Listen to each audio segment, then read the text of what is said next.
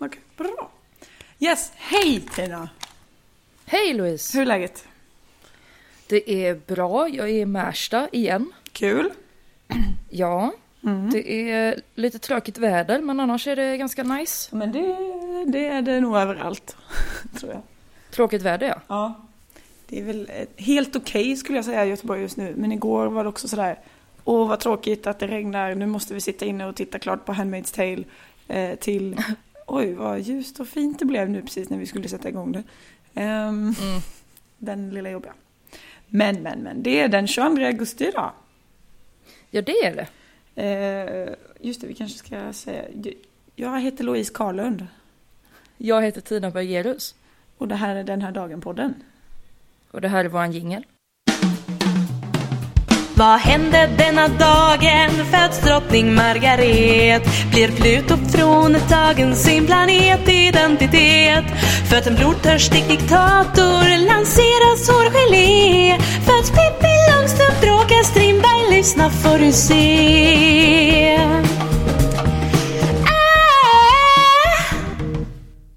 Ja, det är den 22 augusti, det är torsdag. Mm. Det, är 200, det är den 234 dagen på året. Två, tre, fyra. 234. Och eh, det är Wow. alltså 131 dagar kvar. Mm. Yes.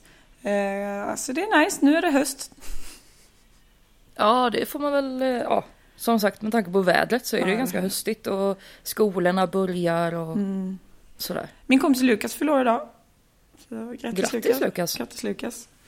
Eh, ja. Men det är väl lite, det är ju liksom kräftskivedags nu känns det som. Men är inte det sensommar då? Sen sommar låter fint, jag gillar det. Mm.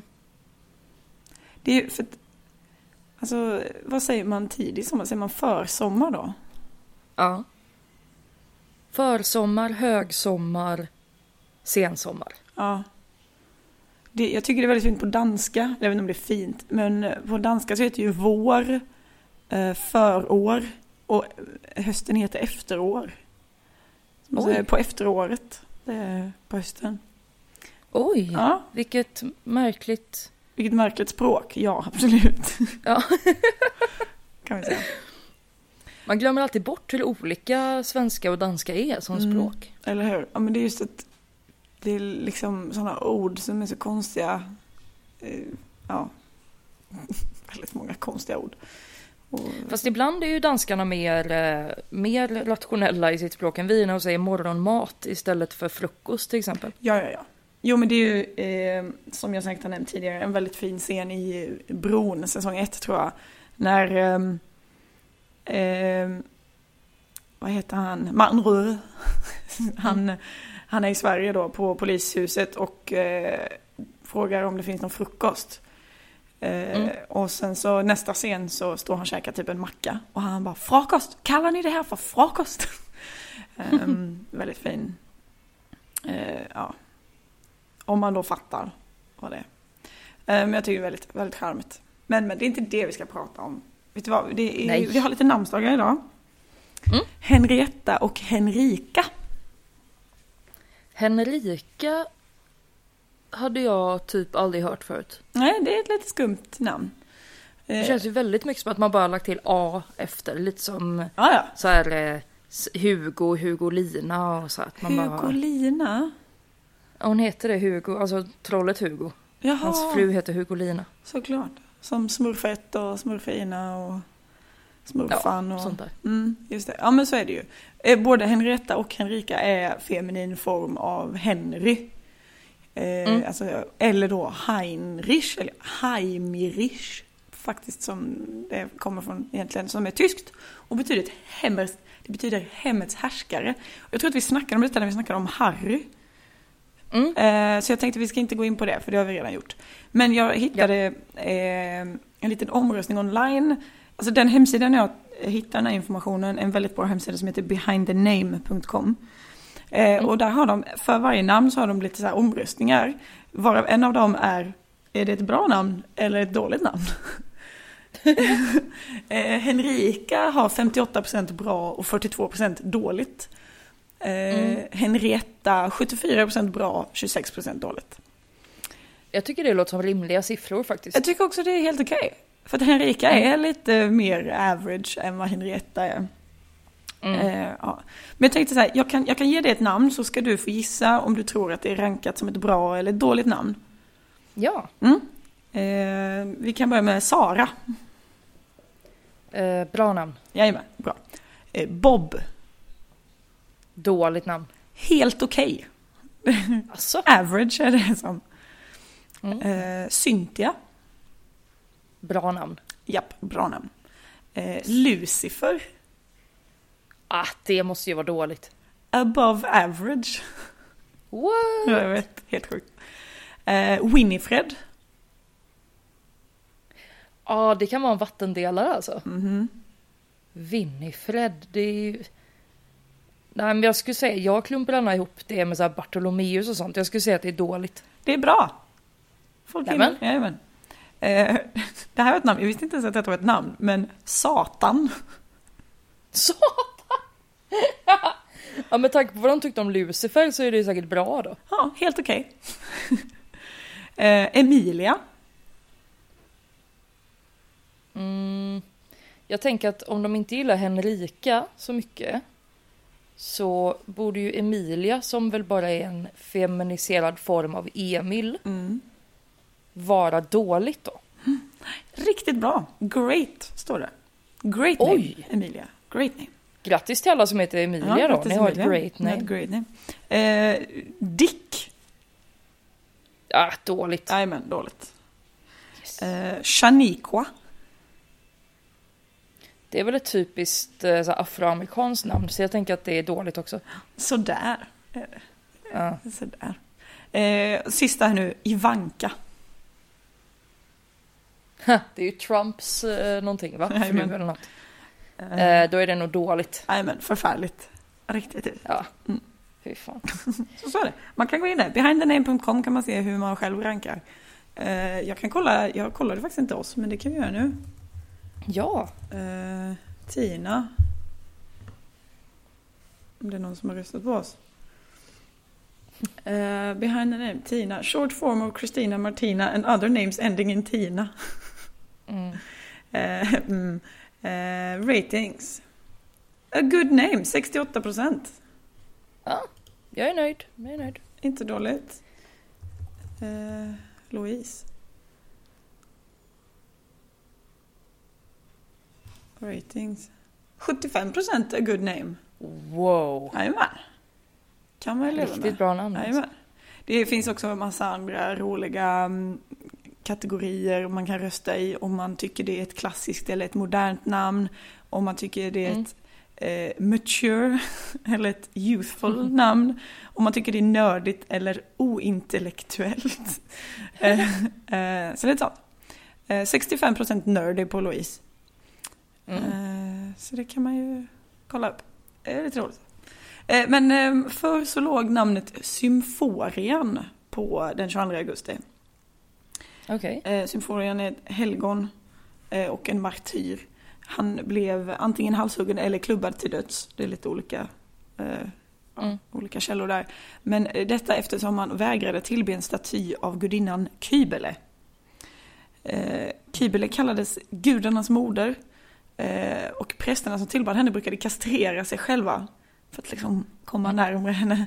Det sägs att Kybele hade en älskare som eh, hade varit otrogen mot henne och då kastrerade han sig själv för att liksom straffa sig själv. Mm. Eh, så jag förstår att man kanske inte blir jättesugen på att avguda det här. Eh, men... Eh, Man kan ju inte ställa sig bakom allt hon, eh, Nej, exakt. hon vill liksom. Det känns lite... Speciellt inte som man. Nej, det är lite en vattendelare där. Eh, Mm. Men symforian är ju då ett helgon. Och helgon har ju vissa saker man liksom... De är beskyddare över. Eh, Mm. Och som man kan liksom be till eh, om man behöver hjälp. Eh, han är skyddshelgon över bland annat barn och studenter. Mhm. och att tillbe honom kan hjälpa mot ögonproblem och syfilis. Jag tänkte att han skulle vara skyddshelgon för pungen typ. Nej, tydligen inte. Nej. Nej. Men ögonproblem och syfilis. Så har man någon vagel i ögat eller så här ögoninflammation då ska man tillbe symforian. Mm. Ja. Rimligt. Rimligt. Eh, idag 1902 Mm. så var Theodore Roosevelt den första presidenten i USAs historia som sågs åka i en bil. What? Coolt. Wow, wow. Eh, men som vi vet så är ju presidenter som åker bil Ja. inte ett framgångskoncept. Det är inte det.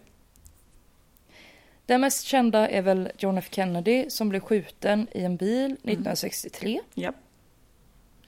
Eh, och det var en sån Lincoln Continental, Okej. hette den bilen. Mm. Och den hade inget tak och skit, skit så de satt ju liksom bara där och var så här, Ja. vinkat till folk Och och, så inga bara bälten hade de. Nej, nej, ingenting hade de. Och då tänker man så, här är en bil där presidenten blivit skjuten, vi kanske ska här ställa undan den. Vi kanske till och med ska skrota den, den kanske betyder liksom bad luck typ. Men istället så byggde de om den lite. Jaha. De satte på ett tak Mm. och så f- skottsäkrade de den och hade sig. Det är ju trevligt i alla Och så fall. tänker man, vad sa du? Det var ju trevligt i alla fall. Ja, det var ganska smart. Mm. Och så tänker man att ah, ja, de kanske sålde den billigt till någon då så här. Här har du en bil som den är inte så nice liksom. John F Kennedy har dött i den. Men istället så fortsatte den vara liksom officiella bilen för presidenter. Så både Johnson, Nixon, Ford och Carter åkte runt i den där bilen. Va? Mm. Okej, det är sjukt. Det är galet. Jag, jag som är lite superstitious hade nog varit så här. Ja, helst en annan bil. Eh, alltså, okej, jag har två saker att säga. Första, Johnson, Nixon, Ford och Carter. Låt- det låter väldigt bra ihop. Det låter som ett sån här folk, 50-tals folkband. Eh, Ja, Eh, och sen, jag tänker att de kanske tänkte sig så här sannolikhetsprincipen. Att mm. om man har blivit skjuten i den en gång så är ju det liksom mindre sannolikt att, den, att någon skjuter på den igen. ja blixten slår aldrig ner på samma ställe två gånger. Ja men precis.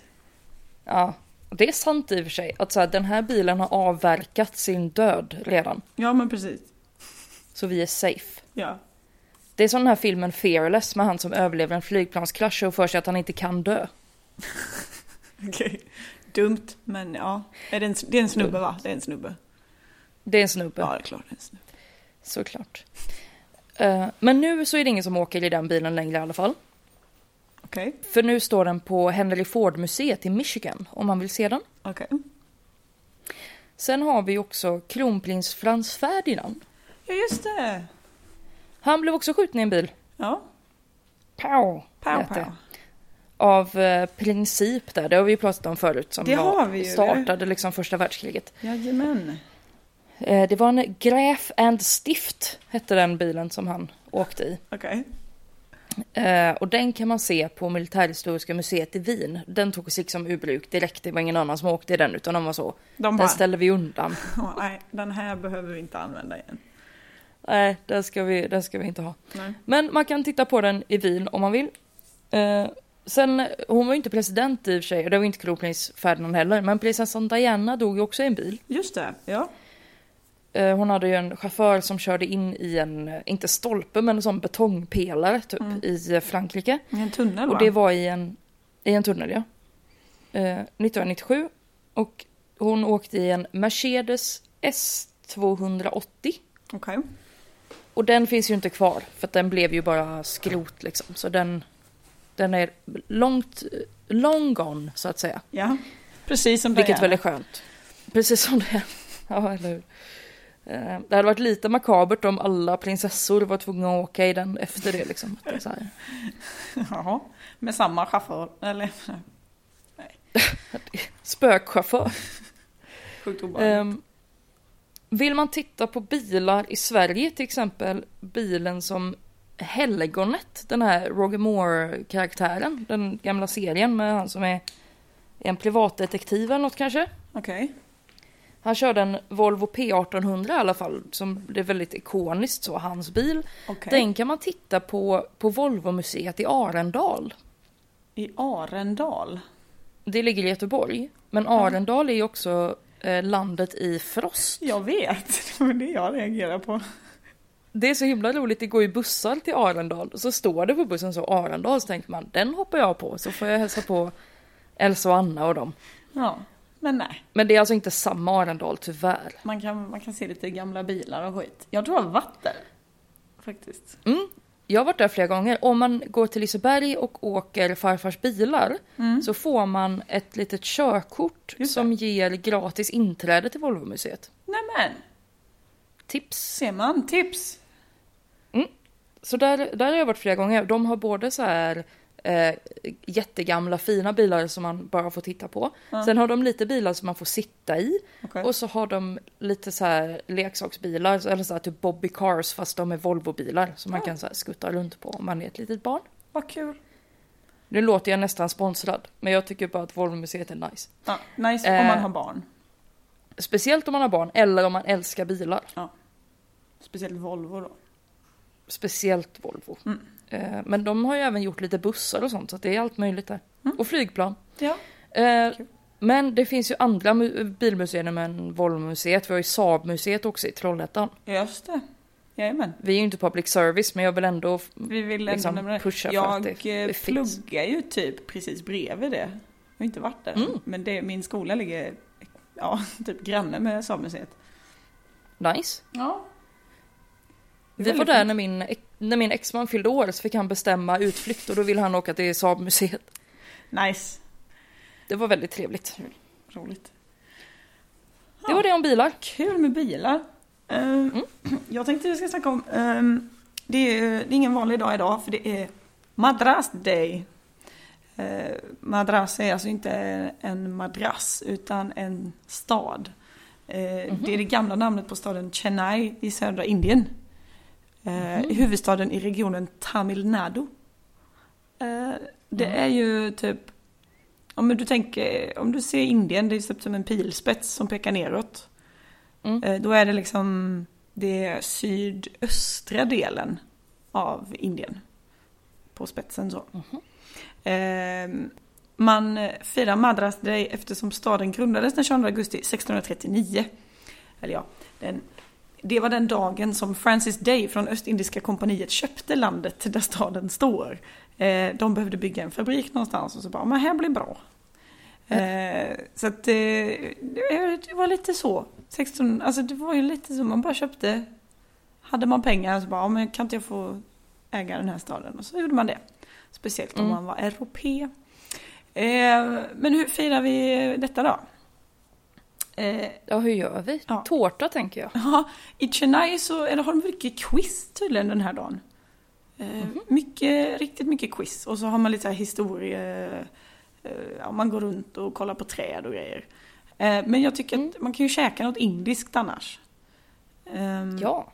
i, tydligen så är det så att i tamilsk kultur så ser man det som en tjänst för hela mänskligheten när man serverar någon annan mat. Så man kanske får bjuda någon på indiskt helt enkelt. Mm.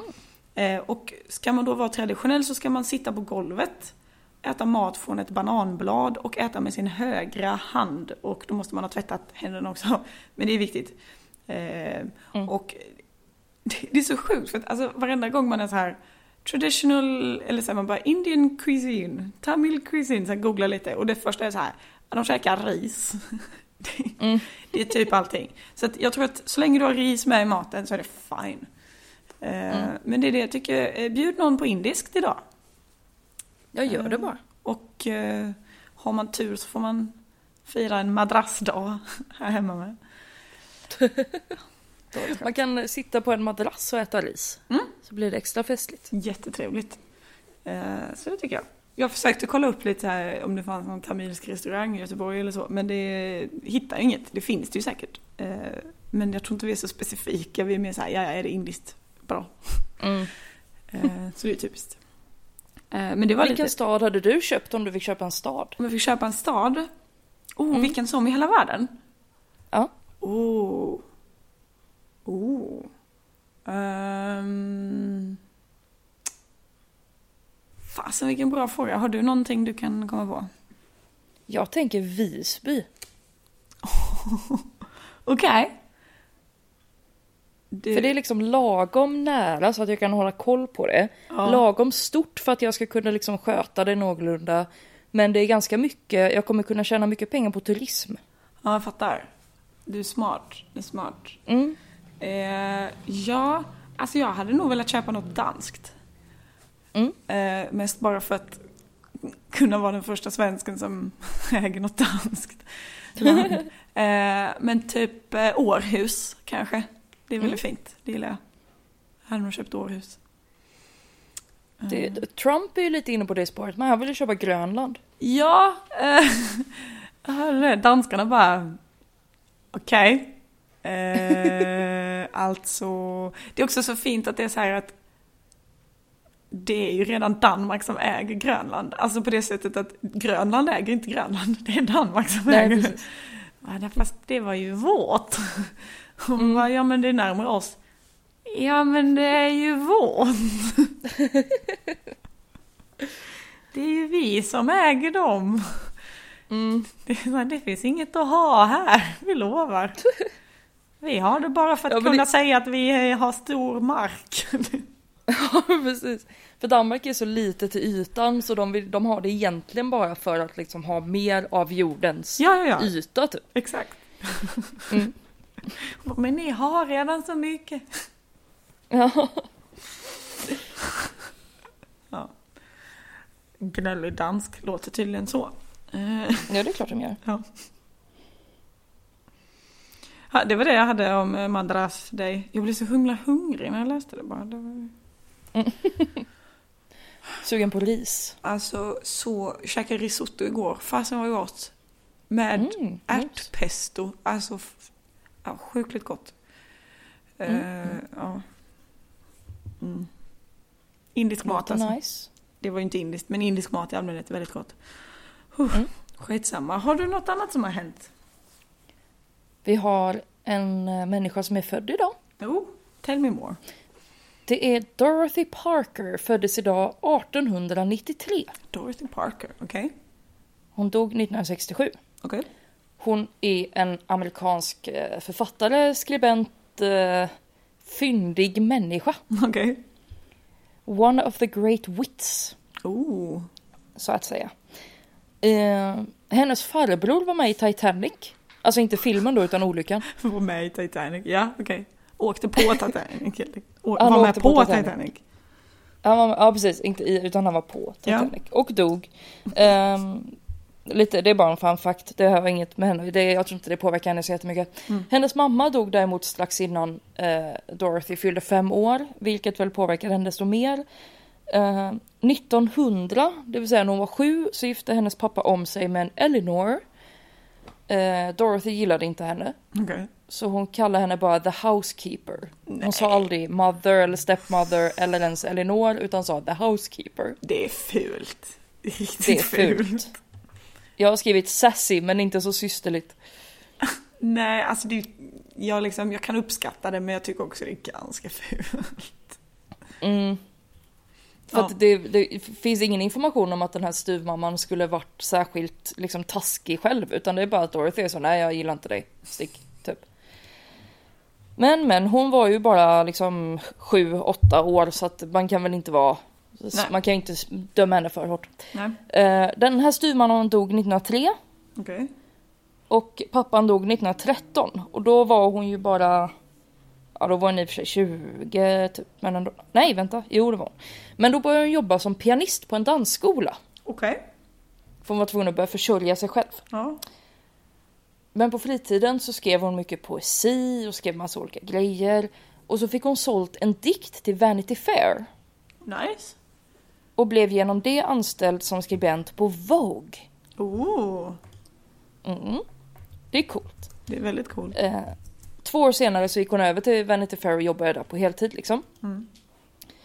Eh, och så gifte hon sig med en snubbe som heter Parker, tog hans namn, var gift i 11 år, skilde sig. Parentes. Men nu kommer vi till det mest spännande. Ja.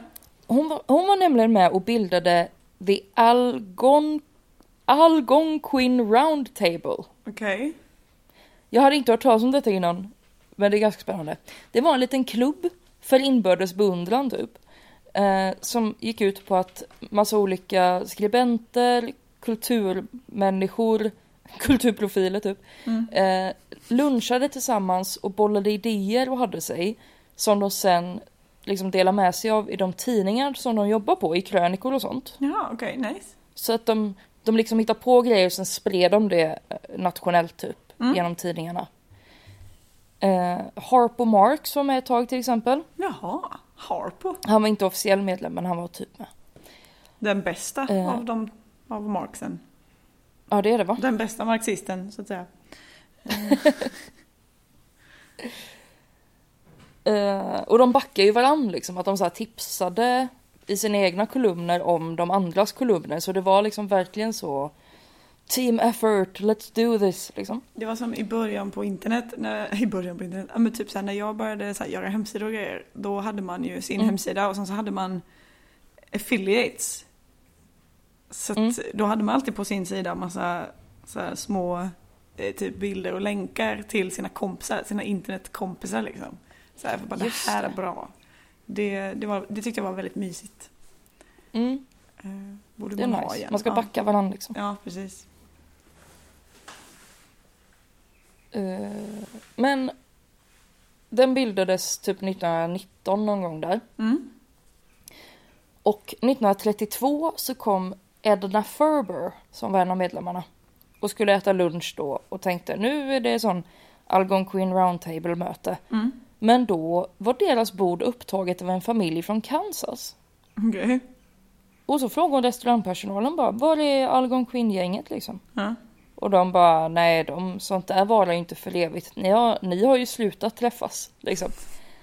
Att det hade liksom droppat av fler och fler, folk hade flyttat typ. Så att då Ja. 1932 så fanns de liksom inte mer. Okej.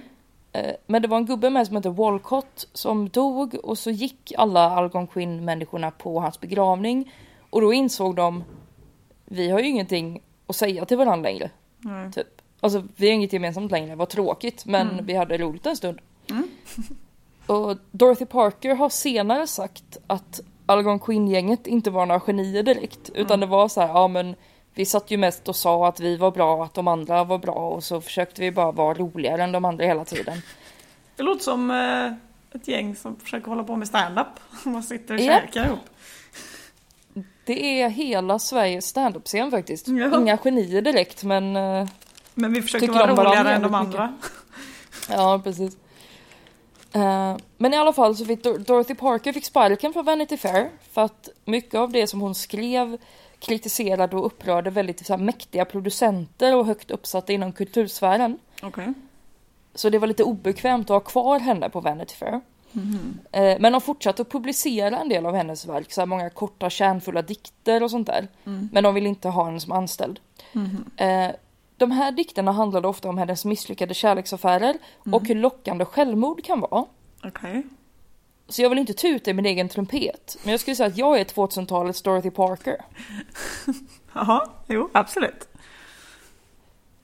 Oh, ja. ja, ja. Snacka inte. 1926, vad sa du? Nej, jag säger inte emot. Nej, det hoppas jag verkligen inte. Nej, men 1926 så släppte hon sin första poesisamling som hette Enough Rope. Okej. Den blev jättepopulär, men av vissa kritiker ansågs den vara lite för den här typ flamsig, eller att den var till för kvinnor som var lite så här för outgoing typ. De kallades för flappers. Ja, ja, ja. Mm.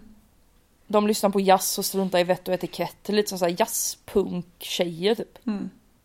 Fast de slog inte sönder grejer. Men de så här, levde lite som de ville typ. Ja. Ehm, men nu i efterhand så har ju mycket av, alltså, eller de flesta tyckte redan då att det var nice liksom. Och att det var smart och witty och så. Men det är klart att det är några sådana gubbar som alltid ska, det här är bara för såna här flamsiga tjejer. Jag förstår inte vad det här ska vara för. Mm. Men. Eh, Dorothy hade många kärleksaffärer både under och efter sitt äktenskap. Eh, hon blev gravid, gjorde abort, blev deprimerad, försökte ta livet av sig. Lite sånt där som man Ja. gör. Som man gör. Eh, 1927 så var det två anarkistkillar som skulle avrättas för att de hade dödat en vakt. Eller något sånt där. Typ. Mm. Då var hon så, nej, detta får icke ske. Det, det här systemet är eh, korrupt. Så hon åkte till Boston och protesterade och det var liksom starten på hennes vänsterorienterade politiska aktivism. Och i samband med detta så flyttade hon också till Hollywood och blev sån screenwriter. Hollywood. Till, hon flyttade till Hollywood. Flyttade Och sen Hollywood. och så skrev hon också för en kommunistisk tidning, vilket ledde till att FBI liksom höll koll på henne för att hon var kommunist. Så de hade en tusen sidor lång liksom så här perm eh, om henne. För kommunismens skull liksom. Alltså tänk, tänk så mycket energi FBI la på kommunister på, alltså på 1900-talet. Så sjukt mycket, helt galet. Ja, så mycket papper och så mycket timmar och ja, helt sjukt buggning och grejer. Japp. Men eh, Dorothy Parker var också med och skrev A Star Is Born 1937. Nämen. Och det är ju den som nu är med Lady Gaga och grejer. Jajamän. En remake. Eh, 1973 Nej, inte 1973. När hon var 73 år, 1967. Eh, så dog hon av en hjärtattack. Jaha, oj. So much for suicide. Ja? Eh, hon testamenterade allt hon hade till Martin Luther King Jr. Ja. Eh, och hennes aska blev aldrig hämtad utan stod i ett arkivskåp hos hennes advokat i 17 år innan han typ disposed of it i stort sett. Okej. För hon hade ju ingen familj eh, liksom. Hennes föräldrar var döda, hon hade inga barn, hon var skild liksom. Mm. Den här lilla gruppen hade ju upplösts för länge sedan så att hon var ganska själv typ. Mm. Eller hon var väl inte själv, hon hade ju ett stort kontaktnät men ingen som ville ha hennes aska liksom. Okej. Det ska ju mycket till innan någon hämtar ens aska. Mm. Ja, jo, alltså det är ju inte vem som helst. Alltså så här. Man måste ju känna någon. Ja men jag skulle nog inte vara first in line och hämta ut din aska liksom. Nej, nej, det hade varit konstigt. Hämta Men inte min jag aska. att- Ge fan i min aska. Eh, jag tänkte att jag skulle avsluta den här Dorothy Parker uh, A Memoriam med en liten dikt. Henne, Oh. En av mina favoriter faktiskt. Ja, Som är, är med i filmen Girl Interrupted. okej. Där den uppläses av Angelina Jolie. Mm. Men nu uppläses den av mig. Ja, av eh, 2000-talets Dorothy Parker. Exakt, det är Mm. jag. Razors pain you, rivers are damp, acids stain you, and drugs cause cramp. Guns aren't lawful, nooses give, gas smells awful, you might as well live. Ja, faktiskt. Mm. Hon har inte fel. Hon har så rätt. Jättefint. Mm. Vet du vad? Eh, nu, ska nu ska jag prata om någonting. nu är det min tur att prata. Tyst. Eh, jag, det, jag vill ta upp ett samhällsproblem eh, Ja. som jag ser idag och som, som kan skapa förödande konsekvenser. Eh, nämligen polisbristen Oj. och de låga polislönerna. Mm. Eh, De senaste åren har ju antalet poliser som hoppar av eh, yrket ökat och, och det är liksom ingen som vill bli polis och de som vill kommer typ inte in på utbildningen. Eh, Mm. och, och jag hade velat ta upp en konsekvens som man kanske inte tänker på i första hand. Mm. Eh, det är nämligen inte första gången vi, ser, vi liksom står inför ett sånt här problem. Eh, I början av 50-talet eh, så var det nämligen väldigt stor brist på poliser, speciellt i Skåne. Mm. Eh, I Tjörnarp, mellan Hässleholm och Hör, eh, så fick man ta in en vikarie eh, vid namn Tore Hedin. Eh, mm, nu ska jag berätta lite om Tore. Tore var 24... Och alla bara kastar så här pappersflygplan och skit på honom som man gör med vikarier. Ja, exakt. Nej men, nej, men Tore var, han var 24 år. Eh, han hade gått en, un, en underbefälsutbildning på regementet i Kristianstad. Eh, Folk sa att han var ganska trevlig men lite udda. Eh, folket i Tjörnarp verkade dock tycka om honom. Eh, så mycket att de skrev på en petition att de ville att han skulle få stanna som ordinarie fjärdingsman. För det var fjärdingsman eller fjärsman som det kallades. Mm. Som man då var innan vi hade liksom poliser sådär. Så de ville att de Mm. skulle stanna på riktigt. Tore så, han, såg ganska vanlig ut, alltså väldigt svensk ut. Ganska blond, runt ansikte, potatisnäsa, så ganska ungdomligt. Eh, alltså du vet sådana män som typ fortfarande ser lite ut som barn. Mm. Eh, han, ja, men han ser lite smådum ut men trevlig ändå. Eh, han, han var tillsammans och förlovad med en tjej som heter Ulla Österberg. Som var något år yngre än honom. Eh, Ulla jobbade på ett ålderdomshem och hon trivdes bra med det. Så so far so good. Tore har dock inte jättemycket pengar. Det var även då väldigt låga löner. Eh, en kväll i november 1951 så spelar han poker hemma hos sin kompis Allan. Eh, och det är ingen som riktigt vet vad Allan gjorde eller sa den kvällen. Men det slutar i alla fall med att Allan får en yxa i huvudet och hela huset brinner upp. Och Tore, Det- går, Tore går därifrån 4000 kronor rikare. Det eskalerade väldigt fort där Det känner jag. eskalerade väldigt fort, eller hur? Ehm, och dagen efter då är ju polisen på plats och Tore också då såklart. Eh, och Mm. tillsammans med kriminalare Gunnar Johansson och en så kallad fjärrskådare. Gör, eh, det vill säga ett medium. Jag säger också att jag har skrivit, jag sa ett fel så det står fjärrdåre. Vilket kanske eh, passar ännu bättre. Ehm, Också Eh. roligt om en fjärrskådare bara är eh, den enda i byn som har en kikare. Kunde lika gärna varit det i det här fallet. Eh, han heter Olof Jönsson. Och så att Olof då, eh, Gunnar, kriminalaren och Tore, de får i uppgift att lösa mordet på Allan. Eh, Eftersom det då är Tore själv, spoiler, som begått mordet. Så är det inte jättesvårt för honom att liksom styra utredningen bort från han själv. Ja. Och mediumet Olof verkar inte få några vibbar alls av Tore. Det är ju jättekonstigt faktiskt. Eh, Det här är faktiskt första och enda gången i, som ett medium officiellt är med i en polisutredning i Sverige. Det finns kanske en anledning till att man inte fortsätter med det. Ja, Eh, precis. ja, men eh, man hittar liksom ingen mördare. Man, eh, det är någon som har sett en man på cykel med en eh, med typ en mössa med, eller en hatt med något märke på. Så man tänker, ja men det kanske är en uniformsmössa liksom. Så att eh, de intervjuar varenda människa i byn. Alltså typ 100 pers då i byn. Som jobbar med någonting där de har uniform. Eh, alla då förutom, förutom eh, Tore då. Eh, men de hittar ingen. Så att, eh, nej, det går olöst. Eh, så att Tore klarar sig och fortsätter att jobba inom polisen i Tjörnarp. Nästa sommar, sommar 1952 då, så bryter den här fina Ulla förlovningen med Tore. Nämen. Eh, och Tore tar väl inte detta på ett jättebra sätt, ska jag säga.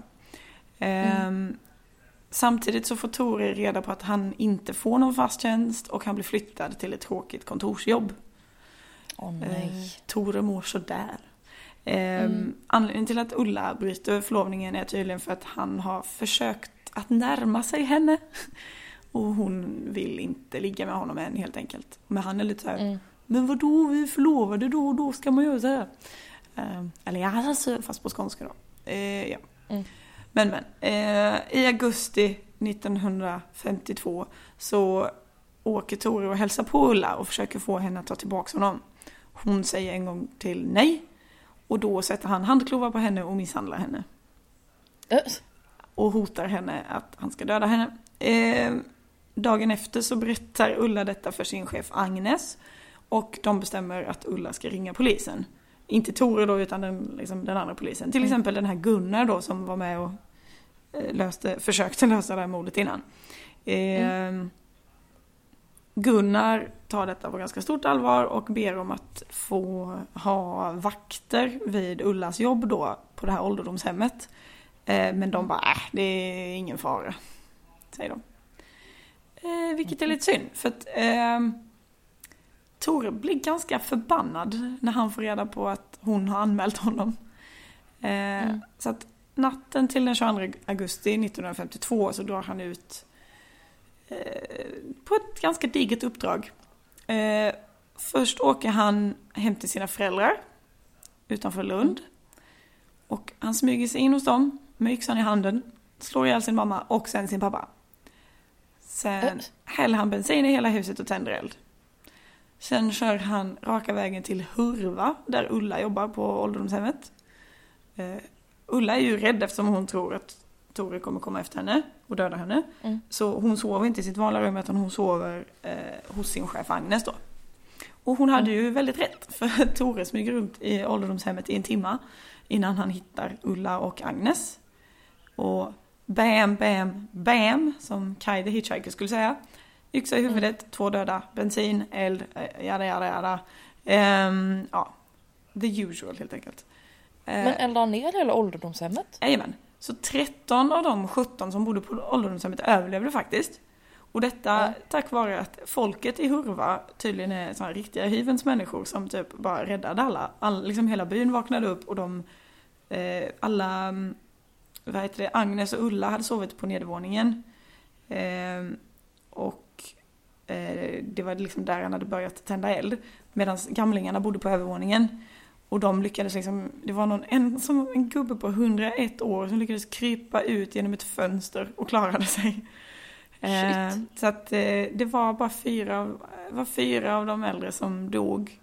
Eh, var, en av dem hade då varit på nedervåningen. Eh, och sen var det en till som dog i sviterna efter branden. Dagen efter. Men han som klättrade ut genom fönstret, han försvann inte då som i... Nej, det var I inte det. Det är helt sjukt. Eh, men jag tror att eh, han kanske hette Allan, vem vet. Eh, Men ja. Så att de klarade sig helt galet nog. Eh, Tore flyr eh, vidare norrut i sin gröna Renault, som han då säger. Eh, som han köpt för sina stulna mordpengar från Allan då. Han gillade tydligen bilar, Mm. snubben. Eh, han åker och sätter sig vid en sjö, skriver ett brev, hoppas den är sjön tillsammans med lite vikter. Eh, och dör alltså. Eh, I brevet som man sen hittar så står det så här, typ, alltså det är ganska långt, typ, han skrev typ fyra sidor. Men eh, liksom, det han menade var typ så här, jag har mördat massa folk, mördade mor och far eftersom vi ville skona dem från att få reda på att jag är en mördare. Men nu är det lugnt, nu är det slut. Eh, ja, och lite så här om att Ulla var så dum mot mig. Hon ville inte ligga med mig så då mördade jag henne, typ så. Men jag ser ju ändå en sensmoral av detta. För det första, Mm. medium gör absolut ingen nytta överhuvudtaget. Hellre killar med kikare. Hellre, ja. Hellre en kikare än två medium. Ehm, Mm. Två, lämna inte din snubbe om man är på misshandlarhumör. Ehm, Nej, det är inte sant. Men eh, man kanske ska lita på folk som säger att de håller på att bli hotade till livet. Eh, och det viktigaste av allt, höj polislönerna så att de inte börjar mörda folk. Mm. Eh, Så det tycker jag det är viktigt att tänka på. Eh, Om, man, eh, om vi inte gör någonting åt vår, våra polis... Ja, den här situationen, då kan det gå riktigt, riktigt illa. Ja, det är ju faktiskt det absolut starkaste argumentet för att höja polislönerna. Att Faktiskt. de inte ska gå helt bananas och döda folk. Så är det. Det var, Mm. det var Tore Hedin och Hurva-morden. Fan Eh, vad spännande. Ja, det finns en, ehm, en Svenska mord eh, om detta eh, på Öppet arkiv och SVT Play tror jag. Med Ernst Hugo, Ernst Hugo Järegård i huvudrollen som Tore då. Oh, Ja, läskigt. ja. Alltså det är det, det är det som är lite konstigt för att, eh, alltså Tore var ju ganska ung, han var 25 när han gjorde detta. Eh, Ernst Mm. Hugo, lite äldre än 25. Men, Men var han det redan? När, när är den serien ifrån? Den är väl den är från gammal? 1986. Ja, då var väl inte Ernst... Äh, jo, han var gammal i och för sig. Alltså han ser ju i alla fall äldre ut än 25. Han är Ja, född... det måste han ju vara. Ja, ja, han är ju född 28.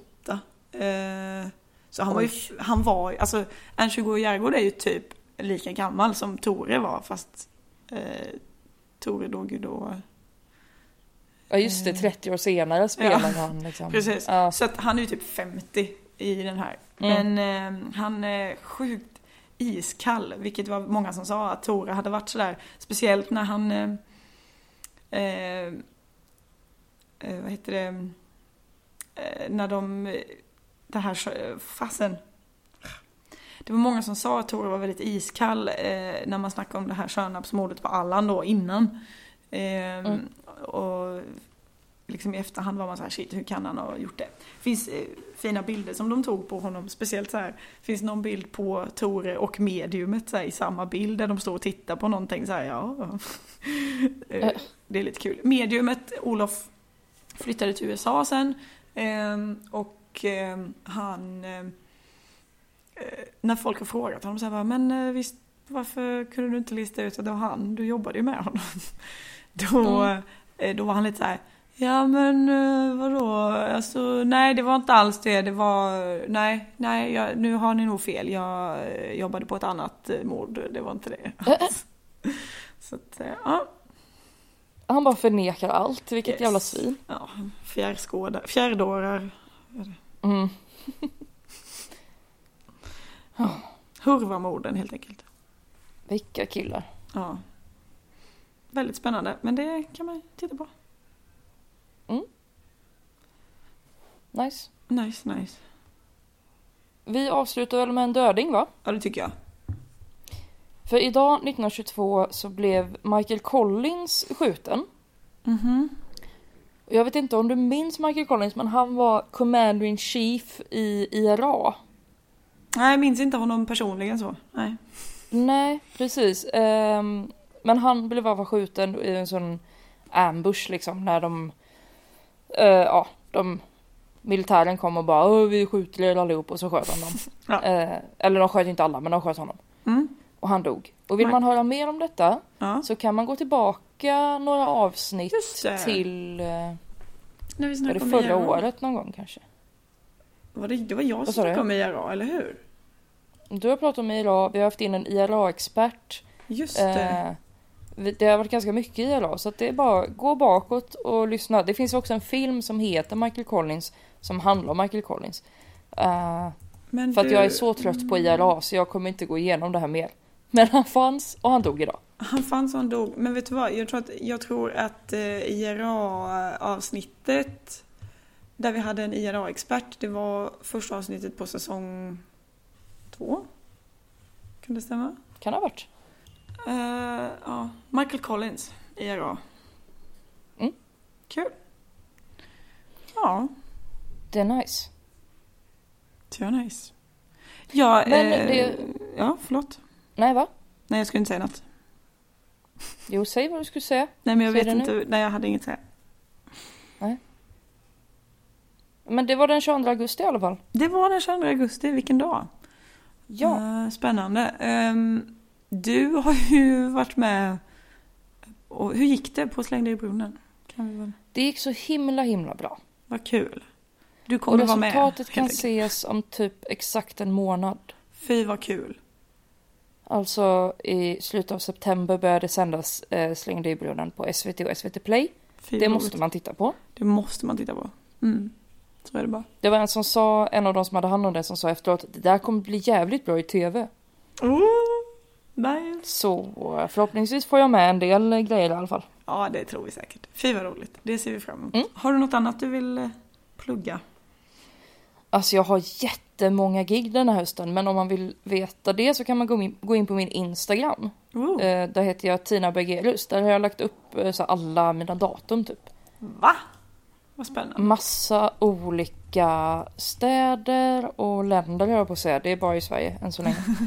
Men eh, det ska bli jättekul. Så eh, där kan man kolla om man vill se mig live. Annars så kan man ju också lyssna på poddpodden som äntligen har släppt sitt nya avsnitt. Vi spelade in det i början av sommaren men det släpptes häromdagen för att jag är en slacker. Härligt. Eh, och eh, ja, det är mina tips. Yes. Jag ser här att, eh, nu är jag inne på din, på din Mm. Instagram. Eh, 28 augusti, det är alltså nästa vecka. Då har du Ståuppklubben Göteborg. Det har jag. Ja. Eh, Och så, dagen efter är vi i Skövde. Ja, så eh, 28, vad är det för dag då? Torsdag? Onsdag. En onsdag. Eh, Göteborg, då är det fasen på, vad heter det då? Kontrast. På Kontrast. Och eh, på torsdag i Skövde då. Nice. Ja, jag vet inte riktigt vart i Skövde. Ja, det kan jag säga också. På Lund Comedy Festival så måste man gå och titta på Ensam mamma försöker. Jajamän. Fredag 22.30 tror jag. Och, Och Skrubben också- också... eller hur? Ja, Skrubben Goes eh, Lund Comedy Festival på lördagen klockan 12 Fy vad roligt. på John Bull. Kommer bli svinkul. Mm. Ehm. Ja, så sketa roligt. Roligt. Men då eh, håller vi ögonen på det. Eh, Jag har ingenting. Jag Nej. håller på att lära mig makramé. tänkte jag. Wow, nice. det är det, om någon har lust att hjälpa mig. Eh, vad Skoj. kul. Ehm, men då... Ja, det var väl det. Men då ses vi om två veckor. Då är det det september. vi. Vad kul. Spännande. Men då får du ha det så fint så länge och allihopa där ute med. Ja, ha det gött. Puss puss! Puss puss. Hej! Hej.